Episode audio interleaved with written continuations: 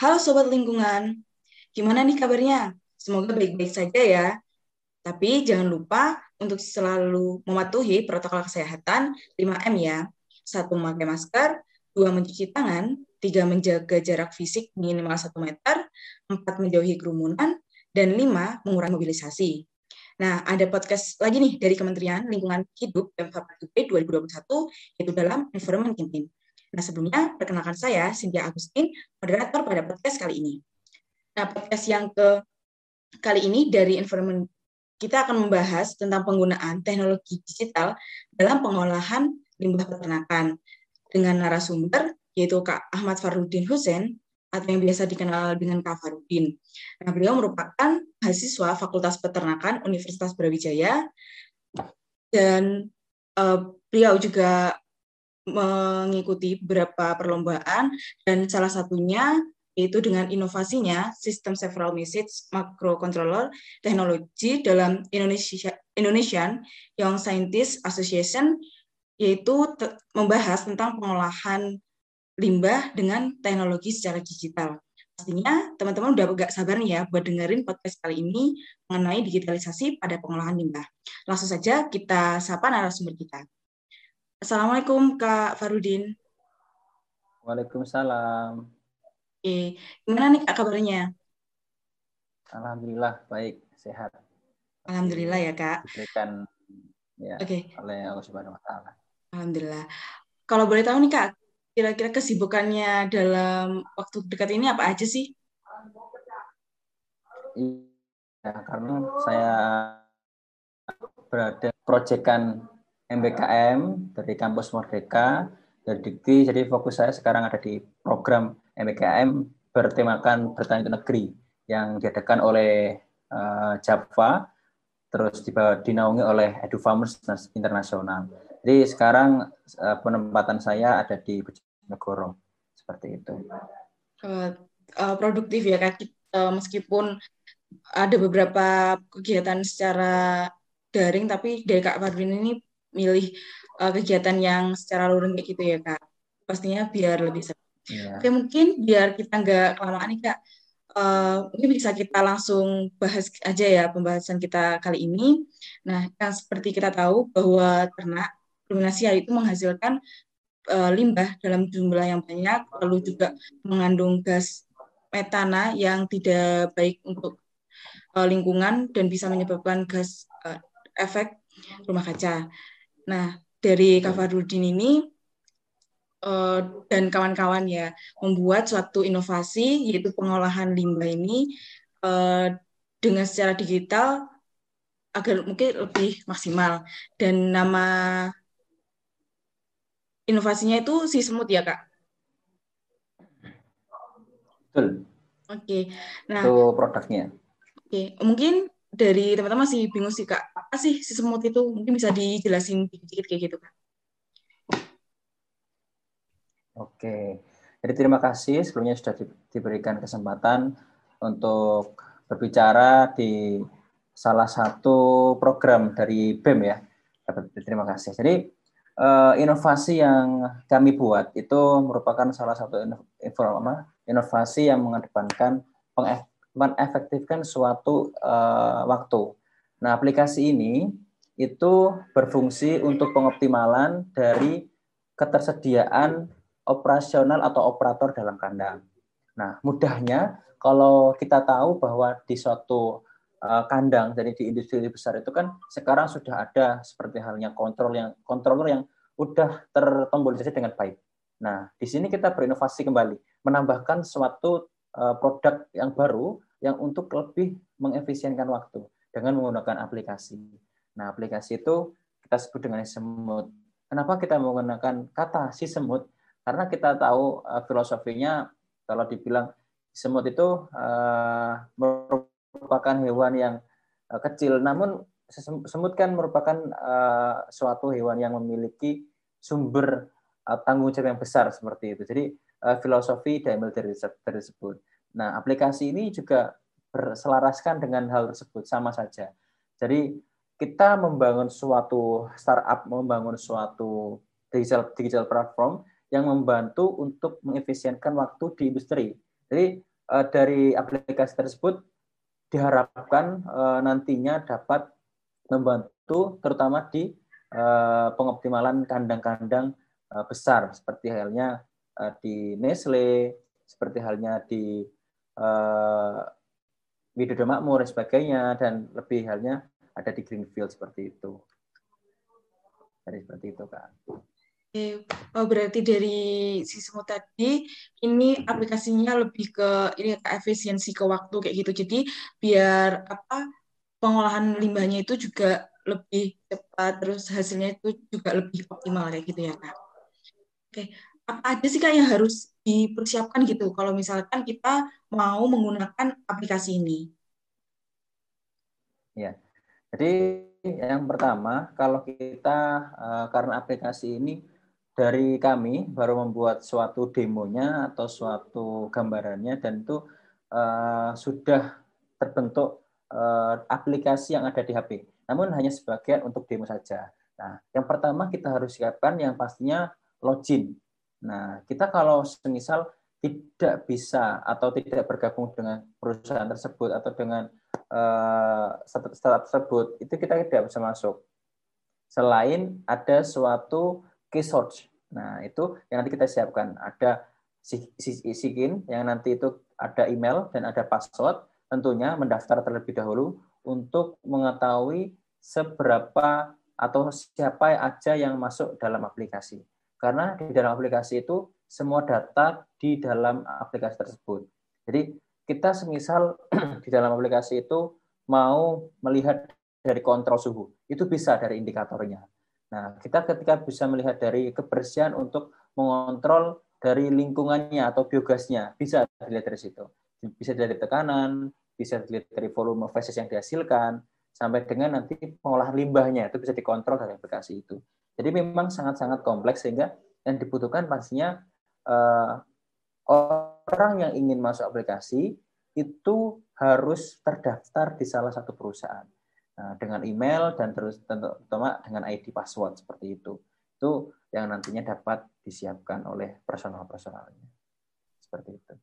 Oke, berarti lumayan simpel ya Kak. Jadi kita uh, apa harus persiapkan tadi email lalu data diri lalu bisa keakses terus kalau misalkan memang kita punya akun tadi juga ada recordingnya kayak gitu itu juga memudahkan banget ya kak kita bisa tahu gimana sih uh, perkembangannya dari pengolahan ini ya mungkin uh, bisa kita gunakan lah data-datanya itu untuk pengoptimalan di farmnya kayak gitu. Nah, untuk pengaplikasiannya itu kira-kira butuh berapa waktu kayak gitu. Misalkan kita mau aplikasi ini di peternakan A gitu. Itu butuh berapa waktu dari awal sampai bisa digunain kayak gitu kan?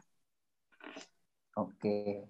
Jadi eh, menarik banget ya kalau semisal kita udah bisa Eh, bergabung dengan perusahaan-perusahaan besar seperti itu. Jadi berapa yang harus kita siapkan untuk memberikan startup dari perusahaan tersebut? Yang pertama kita membutuhkan waktu kurang lebih dalam satu tahun untuk mengengage atau menawarkan kepada perusahaan yang terkait.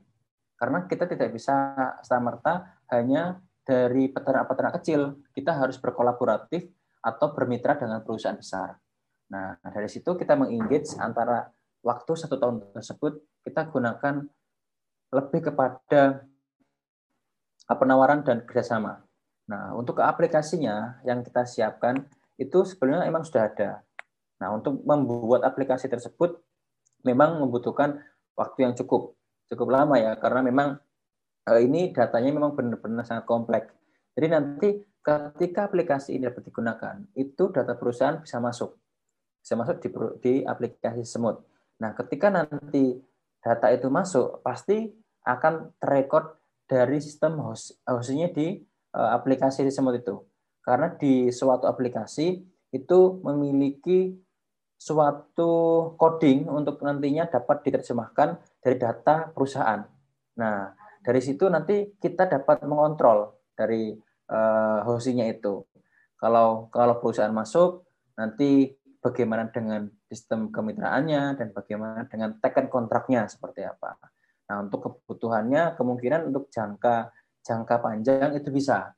Karena aplikasi ini disiapkan untuk lebih kepada pengefisienkan dari SDM juga mengefisienkan dari keterlibatan atau uh, apa ya uh, lebih kepada orang haluan haluan dari kandang itu bisa kita minimalisir. Sehingga kalau adanya kontak dari mikroba itu bisa kita minimalisir seperti itu. Harapannya memang memang kita mengefisienkan karena menyiapkan juga dari 5.0 karena itu lebih kepada society-nya seperti itu.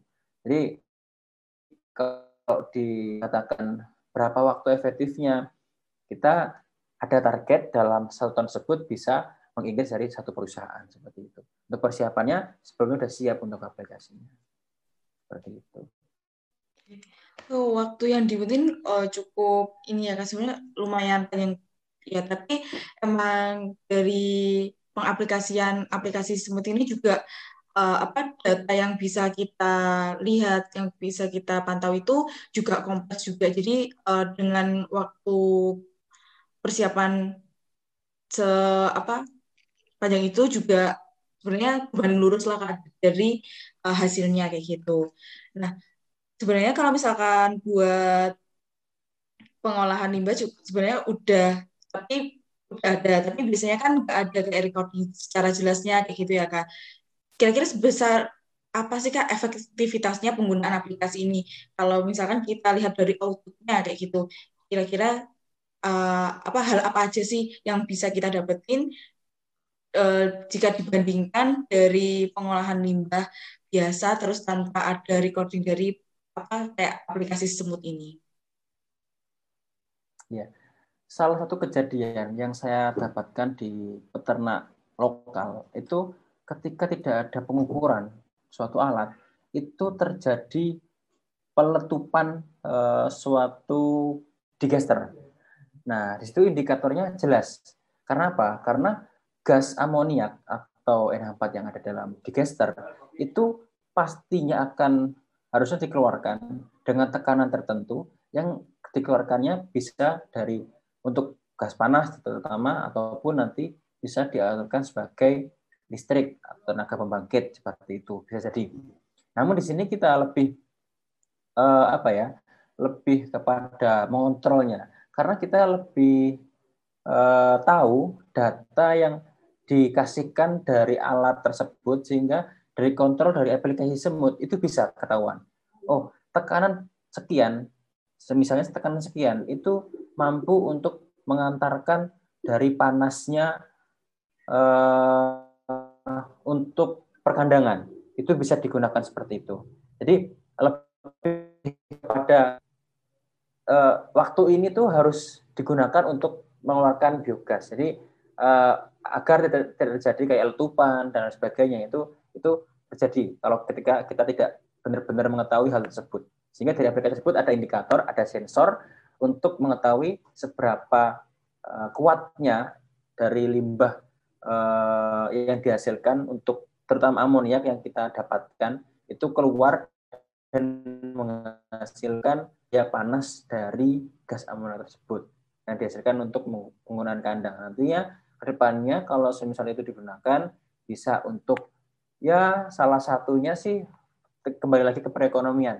Kita bisa menggunakan tabung dari gas amoniak itu bisa kita tawarkan karena salah satu penemuannya sudah ada di uh, salah satu universitas Indonesia uh, berada di Yogyakarta itu menemukan bahwa NH4 atau gas amoniak itu bisa diperjualbelikan. Jadi tabung itu isinya itu bukan uh, gas gas alam, bukan dari gas yang dari seperti halnya perusahaan-perusahaan gas-gas penambang alam seperti itu. Jadi lebih dari membuat gas organik. Nah, itu itu bisa termanfaatkan dari situ uh, ada ada sisi ekonomisnya. Jadi nanti ketahuan berapa sih yang harus kita siapkan dari uh, kebutuhan penghasil gas ya dari sapi seperti itu. Jadi kita ada indikatornya.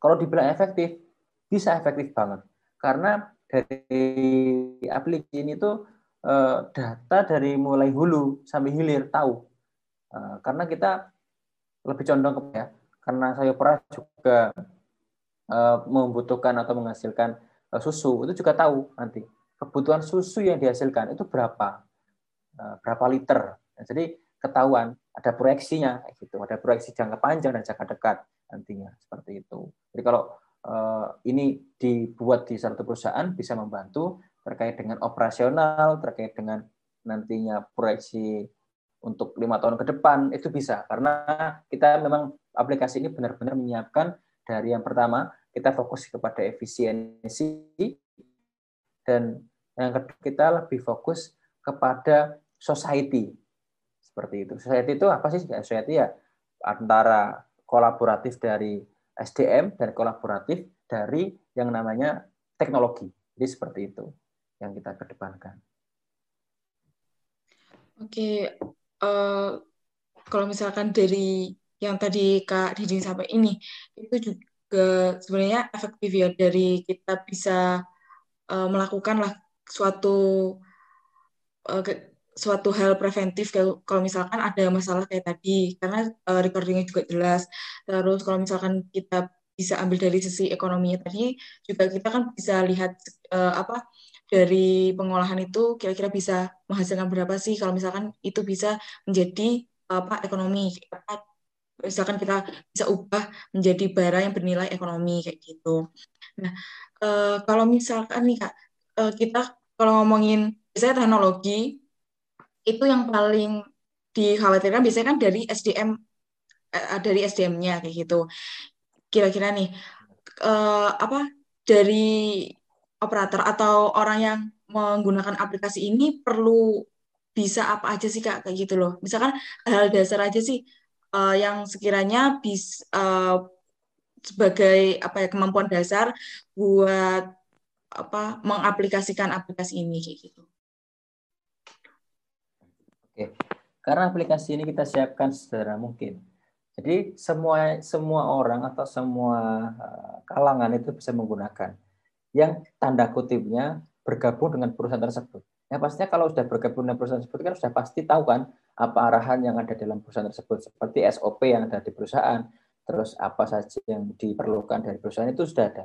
Di aplikasi itu kita gunakan sederhana mungkin untuk bisa, bisa digunakan dari operator kandang sampai dengan nanti HOU kepala kandangnya seperti itu. Jadi kita punya basic di uh, aplikasi yang mungkin cukup kompatibel atau cukup uh, apa ya cukup terperinci gitu ya kalau kita bahasakan. Jadi uh, itu bisa kita serahkan nantinya untuk apa ya untuk lebih oh operator ini mudah untuk menggunakannya. Oh operator ini tahu untuk kapan penggunaannya pas uh, kandang ini dibutuhkan kayak gitu. Jadi antara kontrol dalam kandang ketika dengan dibicarakan dengan output nanti akan tahu akan tahu apa akan tahu dari hasil pengolahannya dari nanti dari sistem climate-nya atau limbahnya yang dihasilkan sampai dengan pengolahan dari susu tersebut. Jadi indikator-indikator tersebut hanya sebagai pembantu untuk pendeteksi data yang ada dalam kandang. Itu yang kita kedepankan. Karena kalau dibilang oh teknologi itu memangkas SDM, iya, memangkas SDM. Karena apa? Karena efisien. Namun di sini bagusnya teknologi itu tidak memangkas SDM secara keseluruhan. Aplikasi ini tidak memangkas SDM karena kita malah membutuhkan SDM. Dalam artian eh, SDM ini dibutuhkan untuk pengoperasional. Kalau kita nggak ada operasional, siapa yang mengerjakan seperti itu? Namun SDM dipermudah. Nah itu kata kuncinya. Untuk SDM dipermudah karena semakin ke sini teknologi itu untuk memudahkan, bukan untuk mempersulit. Jadi seperti itu. Jadi kita siapkan untuk memudahkan suatu perusahaan untuk mengontrol. Karena kadang-kadang itu ada salah satu operator yang di dalam kandang itu ya nggak tahu itu ataupun nantinya ada kesalahan apa, adapun eh, kayak misal teledor dari eh, tombol ini kayak gitu itu bisa kita efisienkan dalam satu aplikasi tersebut. Jadi lebih efisiennya tuh menggunakan uh, startup ini apa berupa aplikasi dari semut kayak gitu. Eh, sebenarnya nggak terlalu rumit kayak gitu ya kak buat uh, mengaplikasi buat uh, mengaplikasikan dari aplikasi si semut ini karena karena kita tahu kalau misalkan sekarang itu uh, digitalisasi itu memang uh, lagi gencar-gencarnya kayak gitu kan. Tapi uh, sebenarnya tadi dari cover yeah. juga bilang sebenarnya nggak memangkas kayak gitu kan. Karena uh, benar banget tadi juga kita efisiensi kayak gitu bisa ke waktu. Sebenarnya kalau misalkan kita bisa uh, mengoptimalkan digital itu pastinya output yang dihasilkan itu jauh lebih banyak kayak gitu. Dan uh, kalau misalkan tadi juga apa bisa bernilai ekonomi tadi nah itu kan juga bisa menambah apa ya kayak pendapatan kayak gitu kan lebih banyak lagi. Jadi nggak harus uh, jadi konsepnya kayak kita itu kerja cerdas kayak gitu ya. Jadi bukan kerja yang berat banget kayak gitu ya kak. Gitu kan. Oke, okay. oke. Okay. Ya Karena terakhir dari ya. sini. Iya kak. Oh ya, kami tambahan sedikit. Karena uh, semakin ke depan itu disrupsi SDM itu semakin nyata. Seperti hanya kita lihat uh, sekarang beralihnya dari UMKM yang ada di contohnya kecil, contoh kecil UMKM yang ada di kelontong-kelontong samping itu sekarang beralih kepada industrial digital atau kepada digitalisasi seperti itu. Jadi kita menyiapkan agar perusahaan-perusahaan besar itu bisa siap bisa siap menerima digitalisasi dari, dari luar seperti itu. Jadi kita siapkan memang untuk ya eh, agar agar produksi lebih optimal, lebih maksimal dan lebih lebih terjamin lah kualitasnya seperti itu. Benar banget sih kak. Apalagi uh, beberapa tahun ke kemudian kita kan juga akan menghadapi bonus demografi ya kak. Siapa tahu dari aplikasi ini juga uh, bisa menambah kayak gitu lapangan-lapangan pekerjaan. Jadi kita bisa mengoptimalkan dari uh, apa keadaan bonus demografi demografi itu.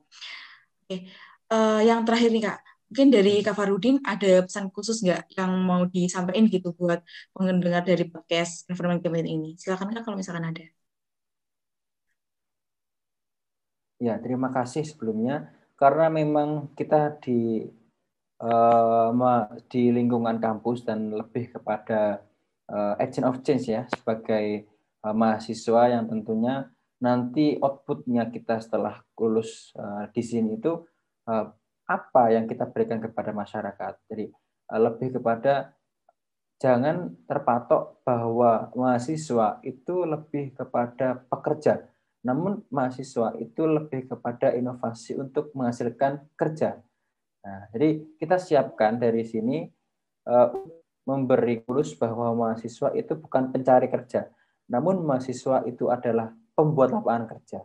Itu salah satu yang dikatakan oleh salah satu menteri kita. Jadi uh, program uh, yang saya ikuti juga itu merupakan salah satu dari dedikasi yang nantinya harapannya itu bisa membuat lapangan-lapangan pekerja bagi orang lain. Karena kalau dikatakan persen dari total keseluruhan anak muda, tentunya di bonus demografi dikatakan India itu 30 persen, hanya 30 persen populasi demografi itu bisa apa ya menikmati bagian sisanya itu di lapang. Nah, kita manfaatkan dari sini untuk bisa bermanfaat bagi karena kita tidak bisa karena manusia itu lebih kepada manfaat sosial ya, bukan individual seperti itu. Kita manfaat wadah dan ayo bermanfaat bagi masyarakat luas seperti itu. Ya, terima kasih. Oke, tadi ada pesan dari Kak Fardin yang sangat uh, membangun ya bisa memotivasi buat teman-teman ini bisa berinovasi lagi yang lebih kreatif inovatif gitu. Oke, terima kasih Kak Fardin telah memberikan wawasan uh, terkait digitalisasi pada pengolahan limbah tadi juga uh, sudah disampaikan ya dari sisi apa yang kita harus siapkan lalu uh, manfaat manfaatnya itu seperti apa dan semoga dari pembahasan ini bisa nantinya uh, menjadi titik awal lah dari teman-teman itu untuk membuat suatu inovasi uh, ke depannya kayak gitu. Nah, mungkin itu saja yang kita bahas dalam podcast kali ini. Mohon maaf apabila ada kesalahan kata yang disengaja maupun tidak disengaja dan jangan lupa untuk selalu menantikan podcast yang selanjutnya. Oke, terima kasih. Assalamualaikum warahmatullahi wabarakatuh.